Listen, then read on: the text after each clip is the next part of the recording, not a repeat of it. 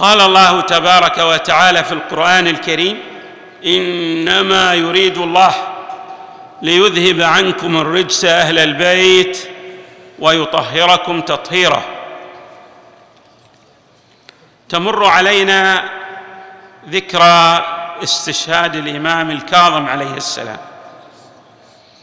وللإمام الكاظم عليه السلام أدوار متعددة من أهم الأدوار التي قام بها الإمام عليه السلام كآبائه وأجداده هو الدور التعليمي والتوجيهي بإسداء النصح وشرح مفاهيم وحقائق الشريعة الغراء.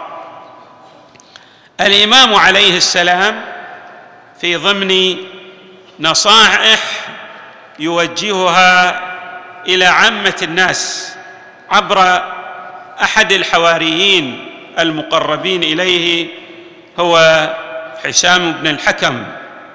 يشرح الإمام عليه السلام الدور الكبير للعقل وأن الإنسان يمتاز عن غيره من الموجودات بعقله. هذه المنحة الإلهية الكبرى التي جعلها الله تبارك وتعالى فارقا جوهريا بين وجود الإنسان وغيره من الموجودات في عالم المادة. هناك موجودات عاقلة أيضا كالملائكة بس هذه موجودات مجردة. وكذلك الجن وجود عاقل غير أننا نقصد في هذا الوجود المادي. العقل قبل أن نستعرض بعض ما قاله الإمام عليه السلام يحسن بنا أن نتعرف على المراد من العقل. العقل في اللغة يأتي بمعنى الحبس والمنع. يقال عقل الرجل بعيره بمعنى ربطه. وهو أيضا بهذا المعنى في نتيجة الاصطلاح. أي أن العاقل هو الذي يستطيع أن يصون نفسه عن الورود في المهالك يضع لنفسه سياجا لئلا يتعدى تلك الحدود وذلك السياج فيقع فيما لا يريده الله تبارك وتعالى. هذا هو العقل من الناحية اللغوية. أما العقل في المصطلح الذي يعطي له بعض العلماء فهو كالتالي. يستعمل العقل في العادة كوصف للقدرة على التمييز والإدراك واتخاذ القرار بالاستفادة من المخزون العلمي والمعرفي الموجود لدى الإنسان. فإذا العقل هو يأتي بمعنى القدرة العاقلة التي تستطيع أن تفقه حقائق الأشياء وعلى أساس ذلك تشكل الموقف اللاقع اللائق وتتخذ القرار الصائب في أي مفردة من المفردات. الإمام عليه السلام إذا بعد أن تعرفنا على المعنى الدقيق للعقل الإمام عليه السلام يريد أن يوضح لهشام وكذلك للأجيال الآتية لعامة المسلمين أن يلتفتوا إلى الدور الكبير للعقل في حياتهم العملية. يقول الإمام عليه السلام لهشام يا هشام إن الله يقول إن في ذلك لذكرى لمن كان له قلب. أي العقل الإمام يفسر القلب بالوجود الحقيقي للإنسان الذي يميزه عما سواه وهو العقل. ثم يقول الإمام ويقول الحق تبارك وتعالى ولقد آتينا لقمان الحكمة يقول الإمام الحكمة هي الفهم والعقل. تفقه الأشياء تصل إلى إدراكها ثم ترتب الآثار العملية عليها اذا الإمام يوضح بعض المراد من آية القرآن الكريم. يا هشام إن لقمان قال لابنه تواضع للحق تكن أعقل الناس. الميزة التي يوضحها الإمام لهشام في أن العاقل يمتاز إلى غيره بالمواقف العملية التي يتخذها. فإذا رأى الحق والباطل يتواضع للحق. وإن كان ضده هذا التواضع للحق. ويقال له بعد لقد استسلمت لخصمك لكنه لا يعنيه ذلك لأن الحق أحق أن يتبع. تواضع للحق تكن أعقل الناس. يا بني إن الدنيا بحر عميق قد غرق فيه عالم كثير فلتكن سفينتك فيها تقوى الله وحشوها الإيمان وشراعها التوكل. وقيمها القائم عليها التي يدير أمورها من؟ العقل. ودليلها العلم وسكانها الصبر.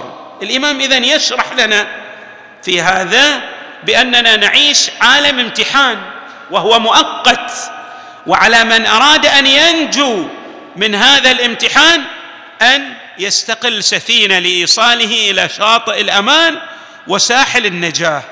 وهذه السفينة لها ماذا؟ آليات كي توصله إلى النجاة. ما هي هذه الآليات؟ بحر عميق يقول الإمام. وسفينة تحتاج أن تكون. هذه السفينة ماذا؟ فيها آليات توصل الإنسان إلى الله وإلى النجاة. اذا ماذا؟ فلتكن السفينة هي تقوى الله. تقوى الله. إن للمتقين مفازه كما يقول القرآن. الإنسان التقي هو الذي ينجو في هذه الحياة الدنيا. تقوى الله وحشوها الإيمان. إنسان قد يتقي يدع كثيرا من الأمور لأنه يدرك الحسن والقبيح لكن ليس عن ركائز إيمانية. فينبغي أن يدع ما يدع وأن يفعل ما يفعل وأن يكون ذلك ناتج عن عمق إيماني. هذا العمق الإيماني هو الذي يؤدي إلى النجاة وحشوها الإيمان. وشراعها المحرك هو التوكل على الله. بمعنى أن الإنسان تأتيه الهزائز في هذه الحياة الدنيا كما جاءت لأنبياء الله ورسله. فيوسف الصديق كم ابتلى حتى دخل السجن؟ وكيلت ضده الاتهامات. ولكن بتوكله على الله تبارك وتعالى كانت النجاة ليوسف الصديق. وشراعها التوكل وقيمها القيم هنا بمعنى المدير والمدبر العقل. ودليلها العلم وما أدراك ما العلم؟ للعلم إذا اقترن بالعقل الدور الكبير في إيصال الإنسان إلى خيري الدنيا والآخرة. وأيضا يحتاج الإنسان إلى الصبر. ولهذا نجد أن ميزه كبيرة في حياة الأنبياء والشهداء والصديقين الصبر لأنك تعيش عالم من البلاء. تقلب فيه الحقائق فيصبح الحق باطلا والباطل حقا. من يستطيع أن يميز بين الحق والباطل؟ يحتاج إلى علم وعقل وفهم ويحتاج إلى صبر. نعم. في بعض الحقائق قد لا تتضح إلا بعد مرور قرون. ولهذا تجدون هذا الإمام إمام موسى بن جعفر في عصره لم يلتفت إليه أحد وكأنه كجده إبراهيم الخليل عليه السلام لم يلتفت إليه أحد في عصره. فآمن له لوط وقال إني مهاجر إلى ربي. لو بحثنا عن من آمن بإبراهيم عليه السلام في عصره لوجدناهم على عدد الأصابع. ولكن في هذا العصر نعرف أن إبراهيم عليه السلام هو الشخصية الأعظم والأكبر. وكل ديانة من الديانات تقول نحن أولى الناس بإبراهيم. ثم يقول الإمام عليه السلام يا هشام يا هشام من أراد الغنى بلا مال وراحة القلب من الحسد والسلامه في الدين.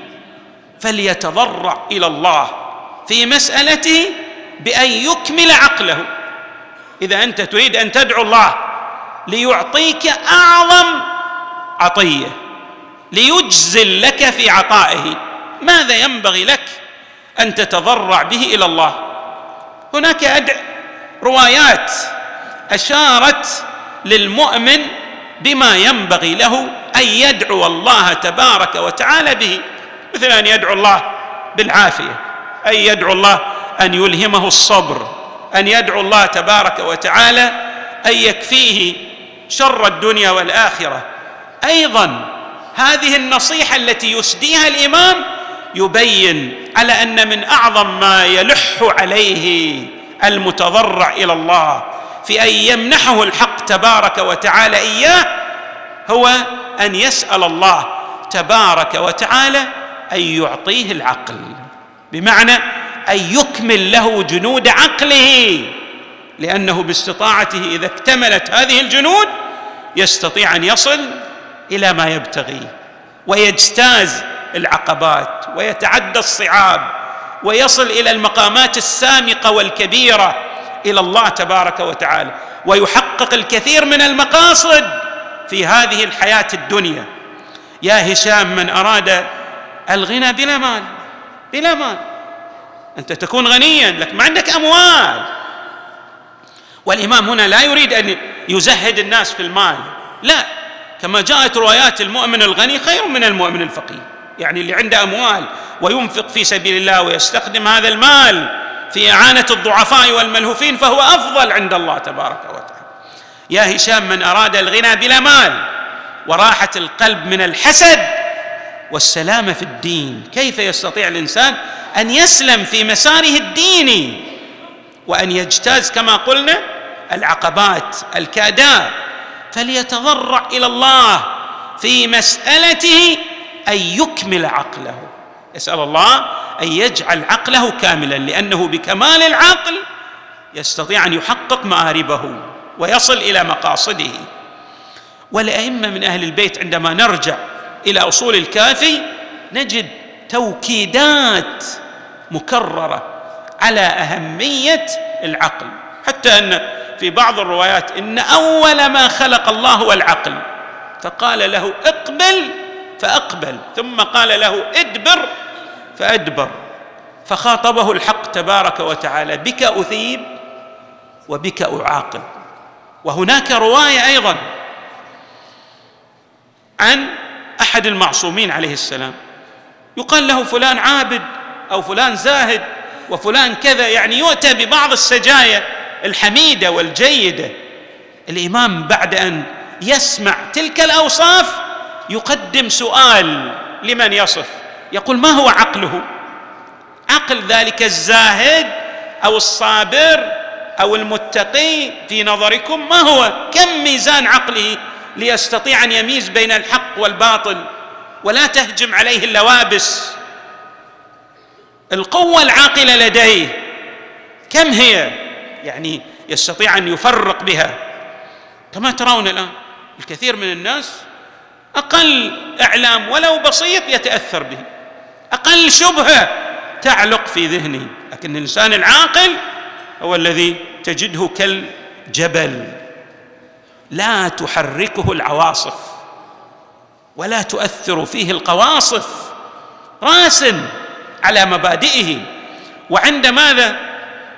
نظري نظرة ثاقبة بمعنى أنه يرى الأمور وكأن الأمور فيها ماذا؟ يغطيها ستار رقيق جدا فهو يدرك عواقب الأمور من خلال تفكيره وتدبره والقوة العاقلة لديه. فليتضرع إلى الله في مسألته أن يكمل عقله. فمن عقل أو عقل قنع بما يكفيه ومن قنع بما يكفيه استغنى. ثم يقول الإمام عليه السلام ومن لم يقنع بما يكفيه لم يدرك الغنى ابدا. هذا فقط في الجانب الطلبي بمعنى أن الإنسان قد يجد تمر عليه الظروف الصعبة والأحوال والإشكاليات الكبيرة ولكن لديه قناعة بإيمانه وبعقله وبثبات عقائده. هذه الأمور تجعله صلبا في إيمانه. ونحن نجد هذه الأوصاف لأصحاب أئمتنا حتى من المقربين الذين تولى الأئمة تربيتهم. نجد هذا الوصف لأبي الفضل العباس عليه السلام من لدن الإمام الصادق. يقول رحم الله عمي العباس. لقد كان نافذ البصيرة صلب الإيمان شديد اليقين. هزائز تمر على الإنسان في هذه الدنيا. وأنتم ترون في شرق الأرض وغربها كم إنسان متدين انسلخ عن دينه. كم إنسان كان من أتباع أهل البيت تجرد عن عقيدته. كم شخص كان من المتقين الأخيار وإذا به يصبح من الابالسه الأشرار. والسبب يعود إلى عدم وجود قوة عاقلة تتكئ على مبادئ إيمان راسخ وعقائد ماذا؟ مستندة إلى أدلة أدلة. ولهذا الإمام عليه السلام يؤكد على دور العقل في هذه المسألة لأن من ليس لديه عقل لا يستطيع أن يكمل إيمانه ولا يستطيع أن يصل إلى مآربه وسوف تمر عليه امتحانات ينسلخ عن أقوى مبادئه حتى يكفر بالله تبارك وتعالى. ولقد رأينا رأينا من الناس الأخيار من المؤمنين في بدء حالهم تحولوا إلى أصلا لا يؤمنون بالله تبارك وتعالى ينكرون وجود الحق. أفي الله شك فاطر السماوات والأرض؟ يقول لك لا ما في أصلا حتى الله مو موجود. فإذا الإنسان معرض في هذه الحياة الدنيا. إذا التفت إلى أهمية هذه القوة العاقلة وأسندها بالعلم والتفكير والتأمل بالخصوص في زوال هذه الحياة الدنيا يعني استخدم هذه القوة العاقلة لديه فإنه بالتأكيد سيصل إلى ما يريده الله تبارك وتعالى منه وسيقترب إلى الله زلفى ويحصل على خير الدنيا والآخرة. نسأل الله تبارك وتعالى أن يجعلنا مع إمامنا الكاظم ومع آبائه وأجداده البررة الميامين وصلى الله وسلم وزاد وبارك على سيدنا ونبينا محمد وآله أجمعين الطيبين الطاهرين.